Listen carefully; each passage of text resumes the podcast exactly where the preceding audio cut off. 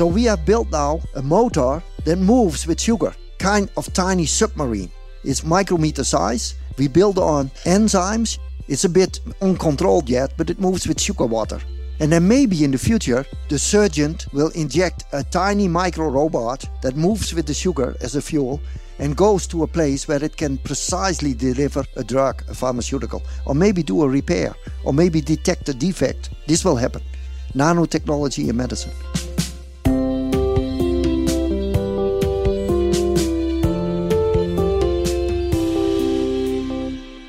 1959 höll fysikern Richard Feynman ett föredrag med titeln “There's plenty of room at the bottom”. Där funderade han på vad det skulle innebära för vetenskapen om man kunde bygga maskiner som var så små att de bestod av enskilda molekyler eller atomer. Lite grann var det här en skämtsam föreläsning där han lekte med tanken på att man skulle kunna använda robotar som var små för att bygga små kopior av sig själva som sen byggde små kopior av sig själva och så vidare tills de var små som partiklar. Men samtidigt insåg Feynman att riktigt små saker skulle kunna komma till användning. Och även om han skojade en del så gav han också åhörarna en utmaning. Den som kunde bygga en fungerande motor som var mindre än 0,5 mm skulle få 1000 dollar. Just det visade sig vara lättare än han hade trott. Redan året efter byggdes en så liten motor utan att man behövde manipulera några enskilda atomer. Så när Ben Feringa år 2011 lyckades bygga inte bara en molekylär motor utan en molekylär bil så kunde han inte göra anspråk på Feynmans belöning. Men han var nog inte alltför besviken för 2016 fick han istället Nobelpriset i kemi. Det här är Nobelprismuseets podd Idéer som förändrar världen. Och den här gången ska vi träffa just Nobelpristagaren Ben Feringa i ett samtal som vi spelade in inför publik på Malmö museum. Jag heter Gustav Källstrand. I got the prize for building the first molecular motor. It rotates and it's one billion of a meter in size. One billion, uh, that, that's small. How small is that? Very small. Okay, I take here one hair. You see this hair? One hair? Oh, yeah, no, almost in the line. One hair. If you take the cross section of your hair, is 80,000 nanometer. So 80,000 of our molecular motors would fit on the cross section of your hair. That gives you an idea. So, ever since Feynman's talk in the 60s or 59, why are scientists interested in small things? You realize that, or maybe you don't, but your body is composed of molecules. And these molecules are in the size between half a nanometer and 30 nanometers or so, and eh? the biggest proteins in your body. A nanometer is one billion of a meter, eh? And all these molecules together make your body, making all the functions, the fact that you can talk, you can wave your hands, that you can think, eat food, all these things. Now, not to disappoint you, half of your body is water. Can you stand up for a second, monsieur? Look, this fellow, eh? Good looking, eh? half of his body weight is water, eh? Plus a few other molecules. But he's, he's fine. Don't worry, everything functions.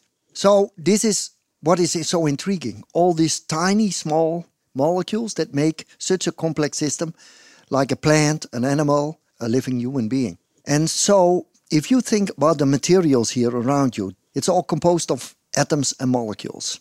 And so we are intrigued. I'm a chemist, and we build molecules, new materials, or we try to understand how these molecules form, yeah, a plastic or make pharmaceutical or a nice dye like this. I like this. This is Dutch or orange, you know. Mm-hmm. Thank you for, for choosing this color. Why is it orange, you know, and why is that blue? We try to understand the properties of molecules and building new molecules and new materials. And that's what we do in the laboratory. So we are fascinated by the small. Ben Feringa är professor vid universitetet i Groningen. Där leder han en grupp som forskar om nya material och nanoteknik. Intervjun med honom spelades in i samband med en lärarkonferens som Nobelprismuseet arrangerade i Malmö. Och är det något som Feringa brinner för, förutom forskning, så är det skolan. Han har grundat en stiftelse i Nederländerna som arbetar med att sprida vetenskap i skolor och det är inte ovanligt att de som kontaktar stiftelsen för ett forskarbesök får träffa självaste Nobelpristagaren Feringa. Going back to Feynman, if I'm allowed for a second. Yeah. Feynman said, bottom up. You know, you all have a, a smartphone, eh? Or maybe a laptop or whatever, yeah? All these computer chips, they all went smaller, smaller, smaller in the last 70 years. The first computer was built in the 50s. It could fill this whole room. They could do less than your smartphone could do now. The smallest features now in your computer chips is already below micro. But now we go to nano because in your body it's all nano. And Richard Feynman said this very famous expression. He said, start from bottom up. Small molecules and building larger and larger. This is how Mother Nature does it. In the green plant, in your own body. Tiny molecules and then nano, micro, millimeter, macro. Hmm. So even though you work with small things, Yeah. the, they can have an effect on on the macro scale or, or Yeah, the bigger yeah. scale. And Can, can we stand up for a second? yeah, sure. You know, here, your muscles, there are millions and millions of tiny motors power my muscle and your muscle. yeah. All these much. tiny motors work together to make that I can lift my arm. So if you synchronize these small molecules and they work together, you can walk, lift your arms. This is how nature works. So it's basically small things working together. Lots of small things working together, you can do then macroscopic effects. So nature obviously does this, but we haven't been able to until you came along. No, that would be a too much claim.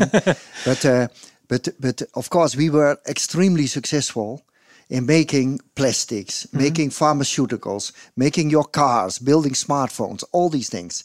But nothing moves by itself.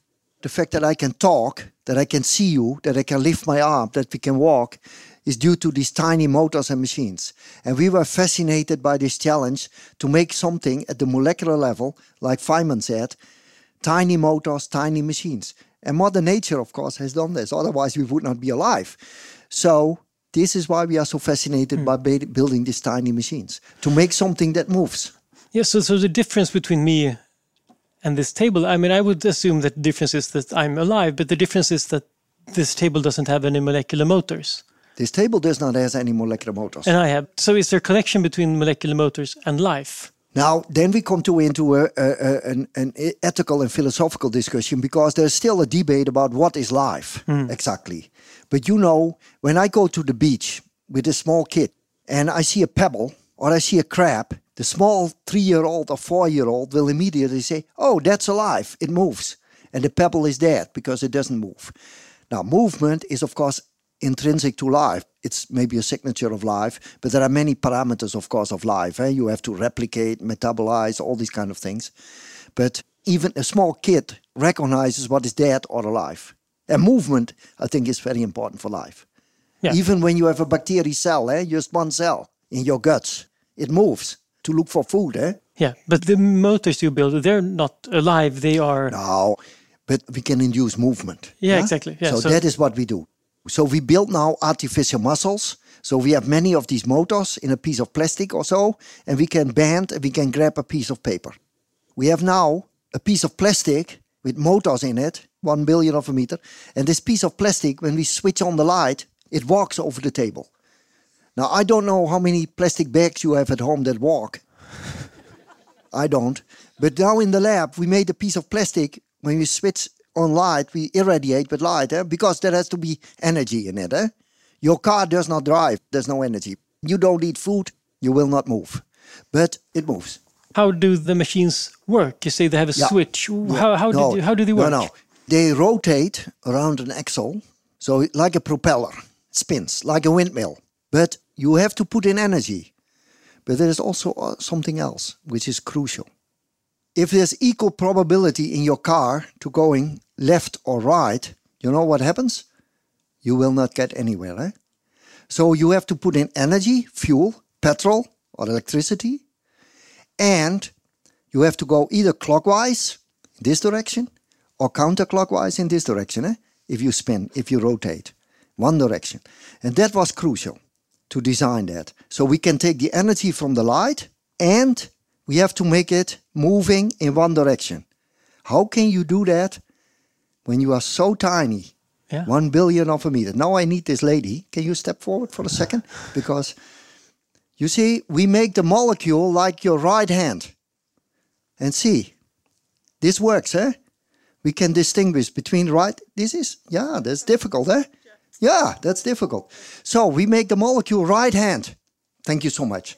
and we spin in one direction. Then we make them left hand and it spins in the opposite direction.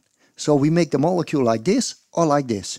And that makes it clockwise or counterclockwise. And how, how do the molecules know? Uh, that's just a structure problem, which way they turn. It just depends on the structure how of do the the molecules know? No, yeah, it's it that Oh, just the structure they But are? the molecules don't have a memory. No, eh? okay. The molecules have no brain. But uh, we make the molecule so that if light comes to the molecule, it rotates around this axle. And as we design them as right hand or left hand, Hmm. we can distinguish between right and left. We can make them moving in one direction. so it's it's basically the structure of matter. The structure, the design, and how it absorbs the light. And you know, we can precisely create that in the chemistry laboratory, the material, because we can make a orange, black, green, white, and that that is depending upon the light it absorbs. Eh? I mean, if you have something that is red, it absorbs the blue light, higher energy. If it's red, a green, sorry, it absorbs lower energy. So we can tune how much energy goes in precisely at the molecular level. So once you have a rotating, then Yeah. you, and then you can start building. It's it's not quite a machine yet, or is it? Is this enough to have Oh, rotation? Yeah, we, we, we, we because once you can move by light energy, we have now motors that spin when you put them outside in the sun. Yeah, they spin just with sunlight. Yeah, what can you do with it? Eh? Yeah. I'm from the Netherlands, you know. You will appreciate we like windmills. Okay, we have the classic windmills. You probably have seen them 500 years ago, but we, now we have a lot of modern windmills eh, that you have also in Sweden. But we built nano windmills, one nanometer in size, and we put them on the surface. So we have a layer here of windmills, you know, these propellers, these motors. And when you shine light on it, they all propel in the same direction. So we built a nano windmill park. It's not with wind, it's with sunlight that it moves. Now you ask the question, what is this professor in, Holland doing, you know, with his students, you know? Are they just playing Lego? Are they just for fun, you know, uh, doing this? Building nano windmills? No. You realize once you have this windmill spinning on this surface, eh, you don't see them, eh, they are so small, but the whole surface is moving. And now we make self cleaning windows. You don't have to wash your window in the future anymore, it cleans itself. Solar panels. In Holland, it rains a lot, so the solar panels clean themselves, but there's also not much sun. But when you go to Spain or whatever in the south where there's a lot of sun, there's a dust, and all these solar panels get covered by dust. You have to clean them regularly. Yeah? Your car, I predict that in the future, maybe 30 years from now, you don't have to wash your car because the coating on the car, the paint, you know, will be motile. It moves, cleans itself. You know, I cut my finger, and if you keep it clean, it heals itself, eh? Now, usually materials, when you have a scratch in your car, you go to the garage, eh? Because you have to repair it. But if you have something on the surface that's motile, it moves under the influence of sunlight or so, the scratch will repair itself. Self repairing materials. This is the future. These things will come. Maybe not with my motors, and they might be a bit too expensive. But once you know how to do it, it will come. I promise you. Vägen till de molekylära motorerna började med att kemisten Jean-Pierre Sauvage på 1980-talet utvecklade en metod för att få två ringformade molekyler att hänga ihop genom att den ena ringen gick in genom den andra, som länkarna i en kedja. Molekylerna satt alltså ihop mekaniskt och inte kemiskt, alltså utan att deras atomer delade elektroner med varandra. Det betydde också att delarna kunde förhålla sig fritt i förhållande till varandra. Sauvage insåg att det här var grunden för att bygga en molekylär maskin och tio år efter sitt första genombrott lyckades han bygga en kedja där den ena ringen roterade om man tillförde den andra energi.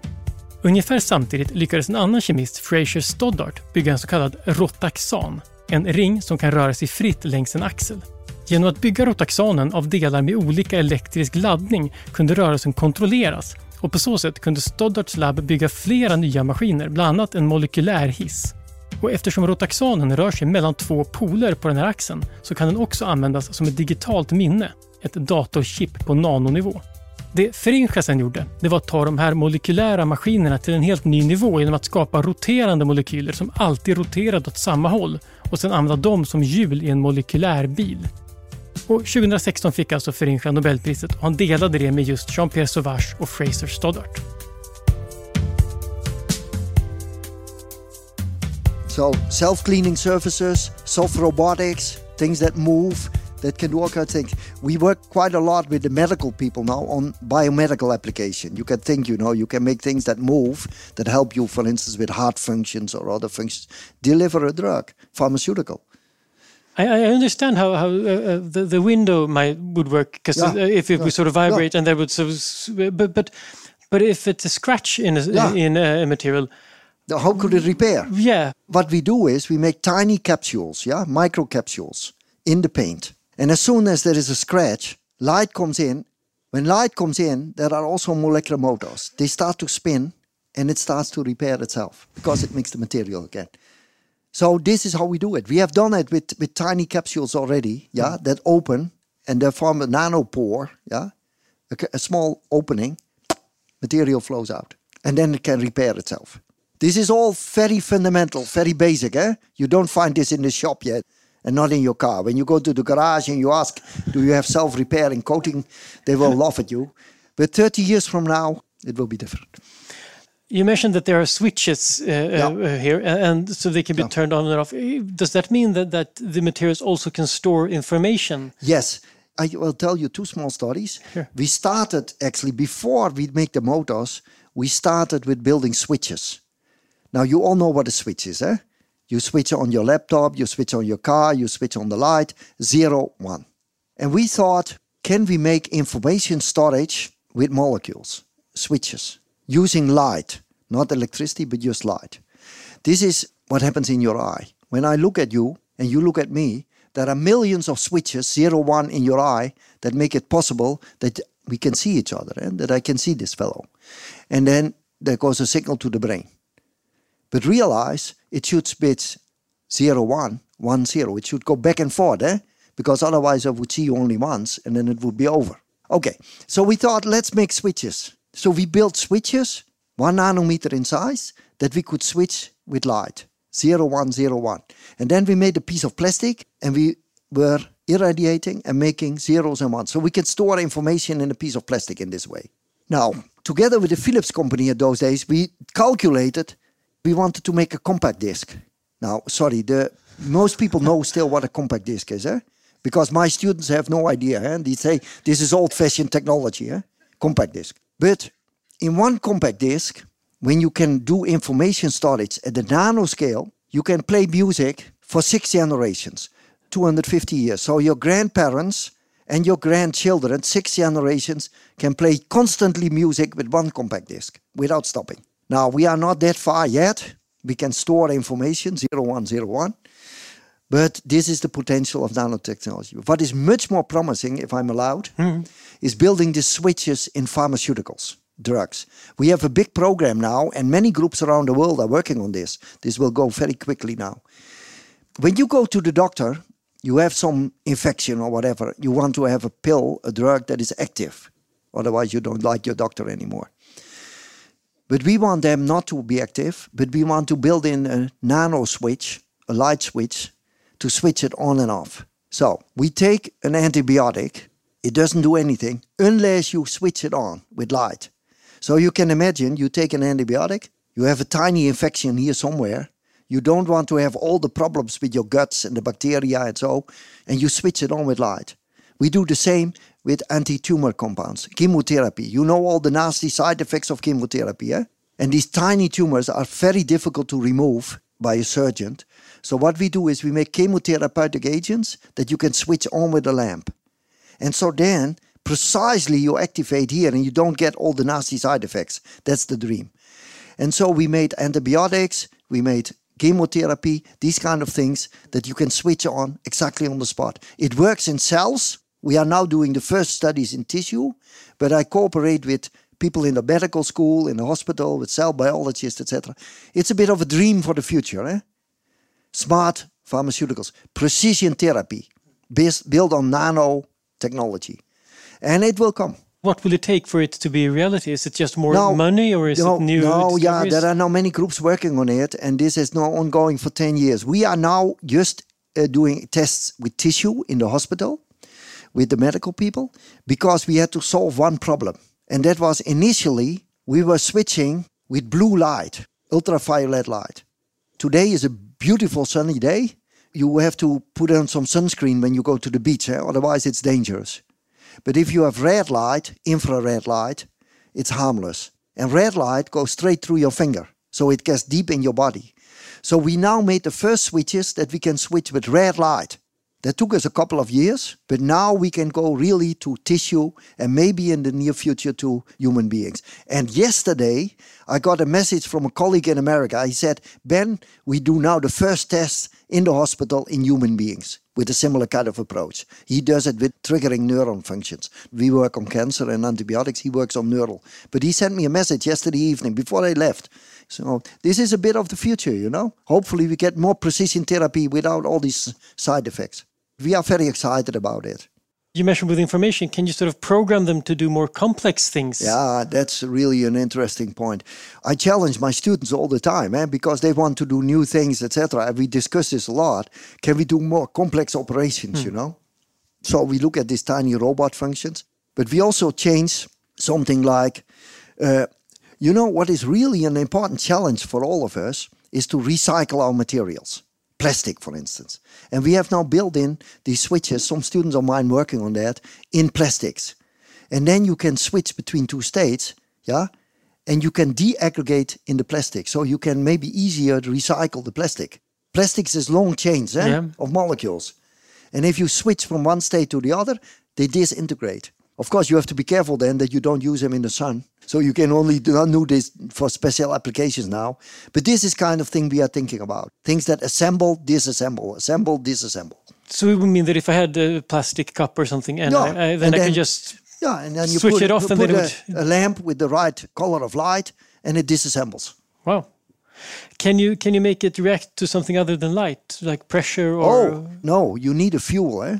We are now working on an electromotor, and we have built one, and we published this but it was doing a few cycles and then it started to decompose because it was too sensitive. Yeah, so it's not very useful yet.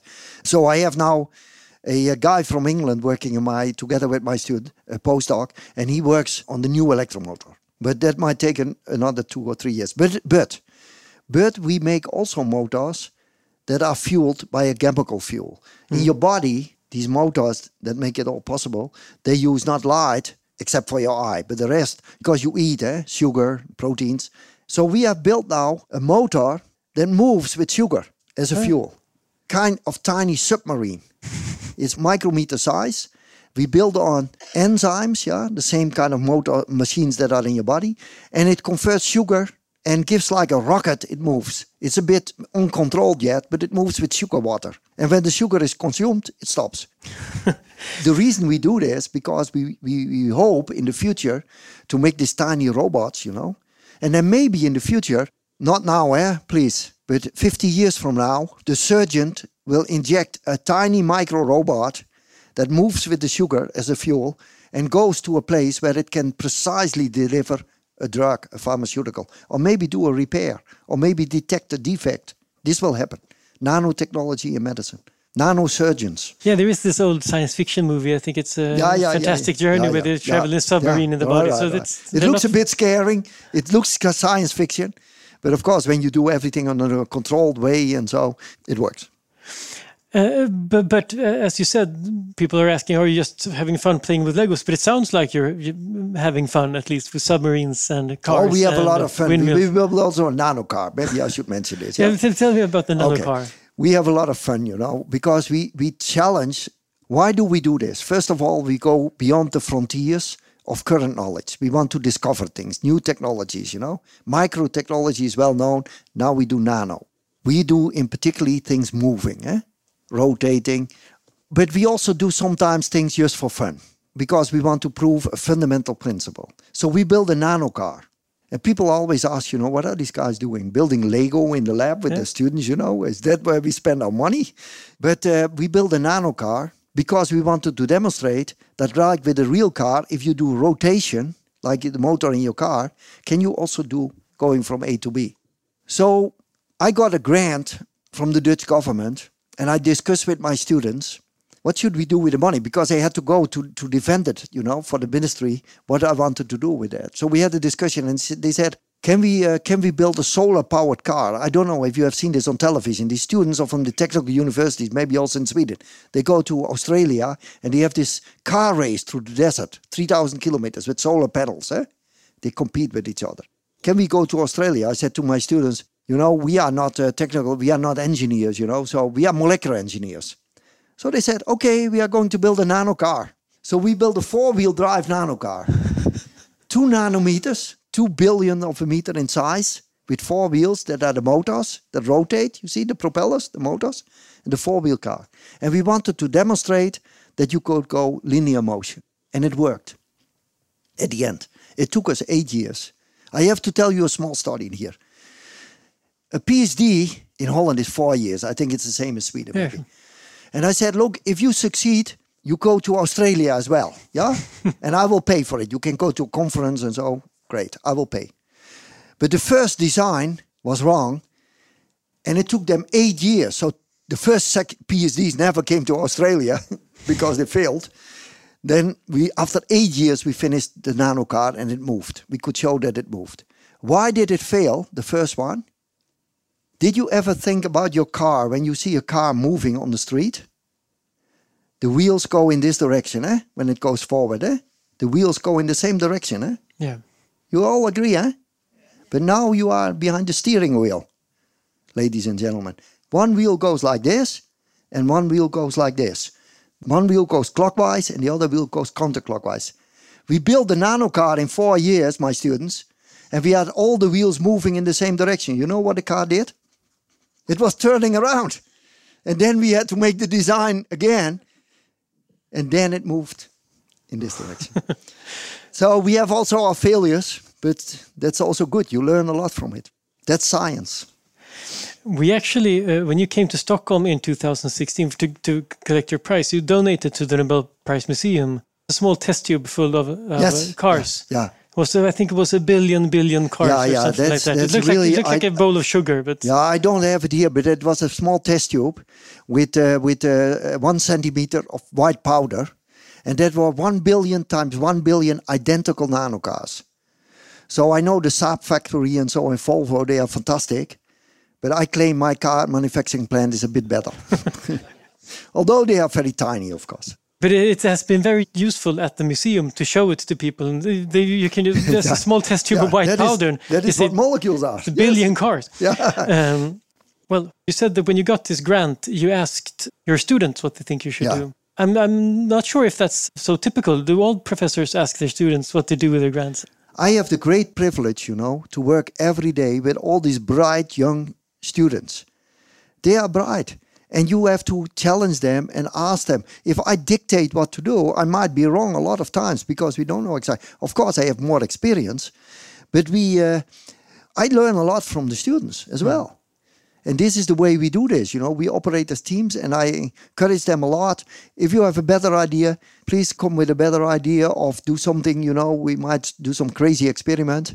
And of course, often things also don't work out what you predicted.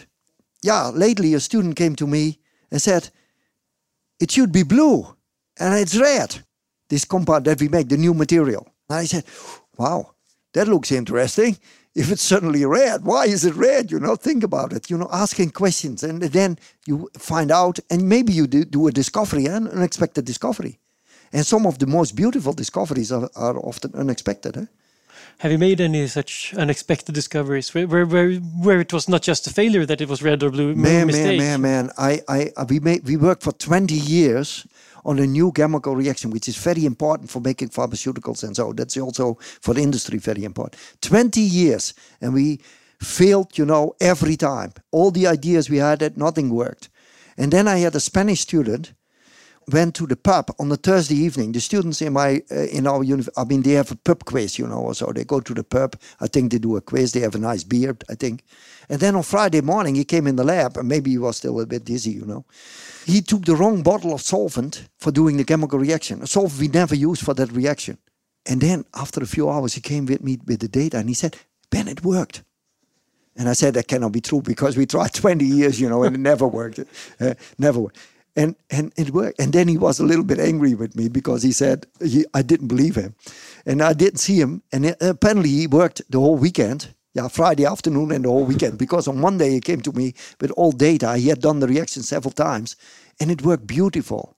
Fantastic. And then we, of course, studied a little bit more in the next weeks. And then we understood why we had been wrong for 20 years. Sometimes you need this kind of accidental things that you get new insights and discoveries. This is fantastic, you know. I think maybe I heard an interview with you where you said that failures part of the process and Yeah. failures should be seen as messages. Absolutely. This is really crucial. Of course, if you drive in your car, you don't want to have a failure when you take a curve, you know. But in science, you train new generations of students. You go into into the future where we don't know exactly what to discover. We have clear ideas, but it's also important to have enough room for failures because you learn a lot from that. Why doesn't it work? Or why does it go different? And that kind of questions are so important, you know. We learn a lot from those kind of things. Feringa pratar mycket om hur viktigt det är att vara nyfiken och lekfull. Och förutom nanoteknik så är det en annan sak han har gemensamt med fysikpristagaren Richard Feynman. Feynman kom till elituniversitetet Cornell som något av ett underbarn.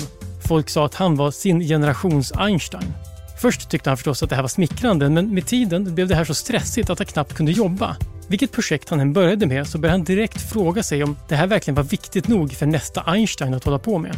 En dag fick han se hur några studenter i kafeterian kastade en tallrik med Cornells emblem upp i luften.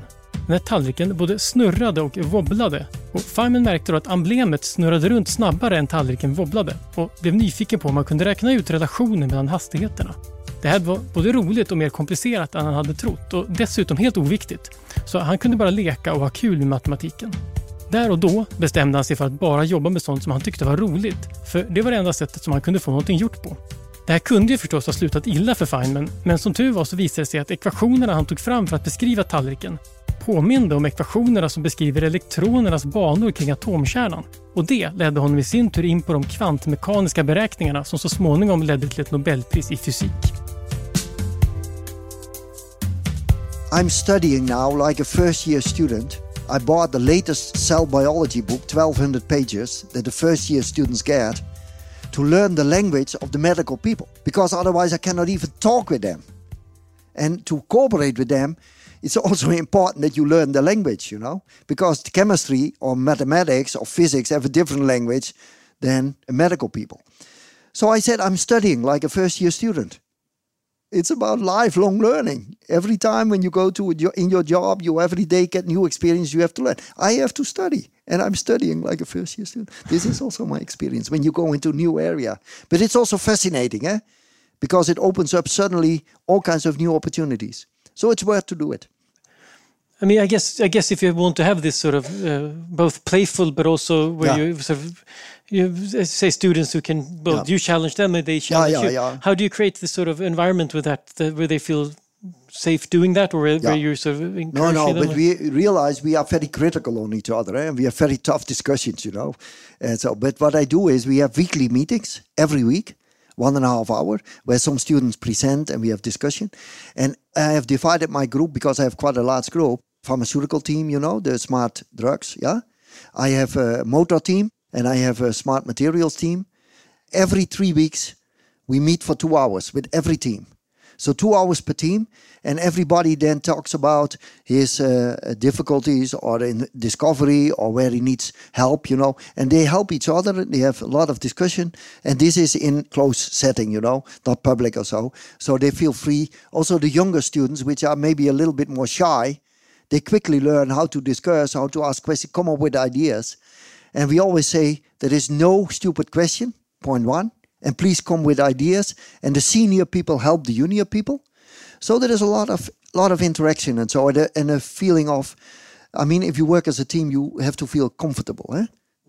If I constantly say I know everything, I never get a discussion with my students, of course. Eh? You have to be open, you know, and that's very important. But, it seems that there are two schools when you talk to well famous scientists or people who won the Nobel Yeah. Prize. Some some people say like you say it's about sort of collaboration, creating. yeah. And other people say no, we have to be really competitive and have. Yeah, uh, I think we are really competitive because we try to compete with the best teams in the world, being it Japan, America, England, Germany, France, whatever, Sweden. But you can be extremely competitive and put the bar high, but still have a very cooperative. Of course, the students have to get their own projects because if you want to finish your academic studies, you need a project for yourself. Or when you do a PhD, get a doctor thesis, you have to write a thesis. But still, they can cooperate a lot. And uh, you can be competitive and still cooperative and create an atmosphere where you stimulate each other a lot. So we help each other a lot, and and that is that's and I believe in that in this team spirit. You know, I don't believe in that I dictate. You know what they should do. I give them a lot of freedom. But sometimes, of course, I discuss with the student individually. I discuss also individually with the students.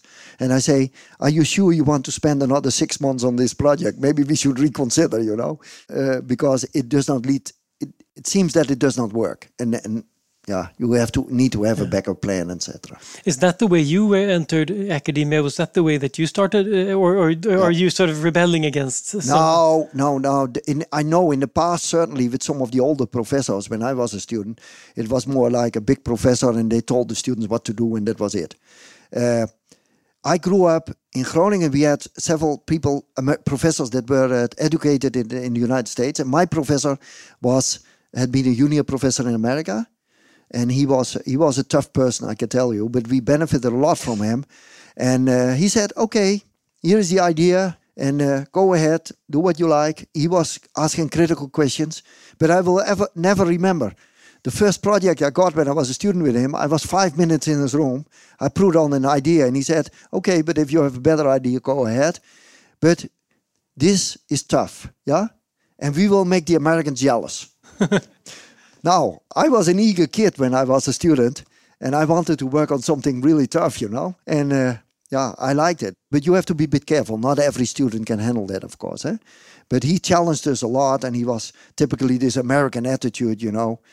No, yeah, you know. Tough problem. It didn't work, by the way. so it's important that you also have an eye for individual students. Eh? Hmm. You mentioned that machines in our body can sort of recycle, and you mentioned yeah. sustainable materials. I mean, the way that your machines are not only fun submarines and no, parts, no, no, but, but but but when we spoke before, so you said that your molecular machines and the new technology and chemistry in general maybe uh, is really important for sustainability and for for yeah. the problems we face today. yeah. Now you come to a real important point for the future. You know, we have to think about how we are going to reuse our materials we have, you know, materials everywhere. Eh? And a lot of it, what we use in modern society, is based on chemistry and material science. You know, think about your car, think about your smartphone, think about all the paintings, coatings, your clothes, yeah, the dyes, pharmaceuticals. Let's take one of the big problems plastic recycling or recycling of paints.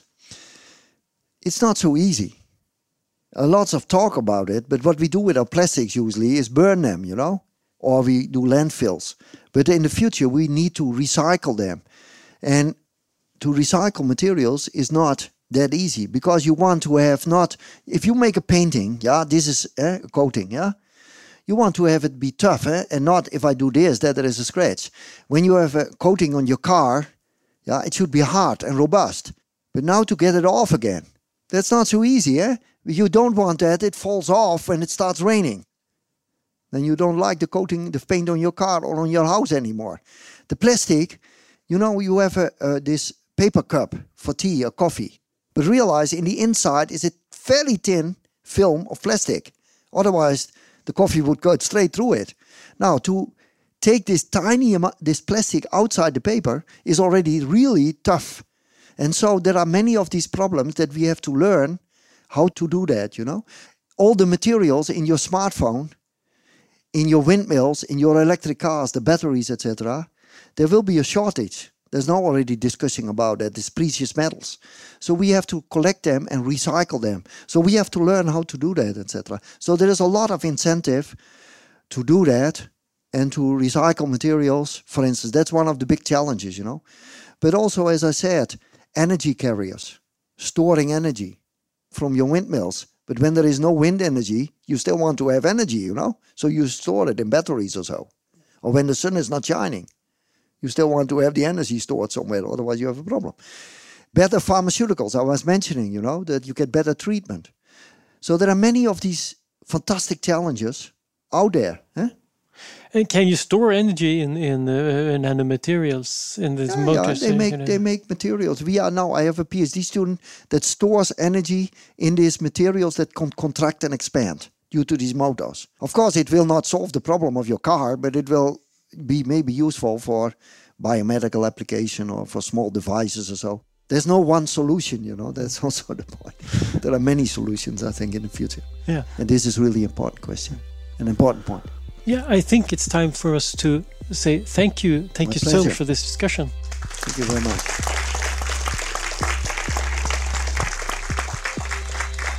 Idéer som förändrar världen är slut för den här gången. Den här podden görs av Nobelprismuseet.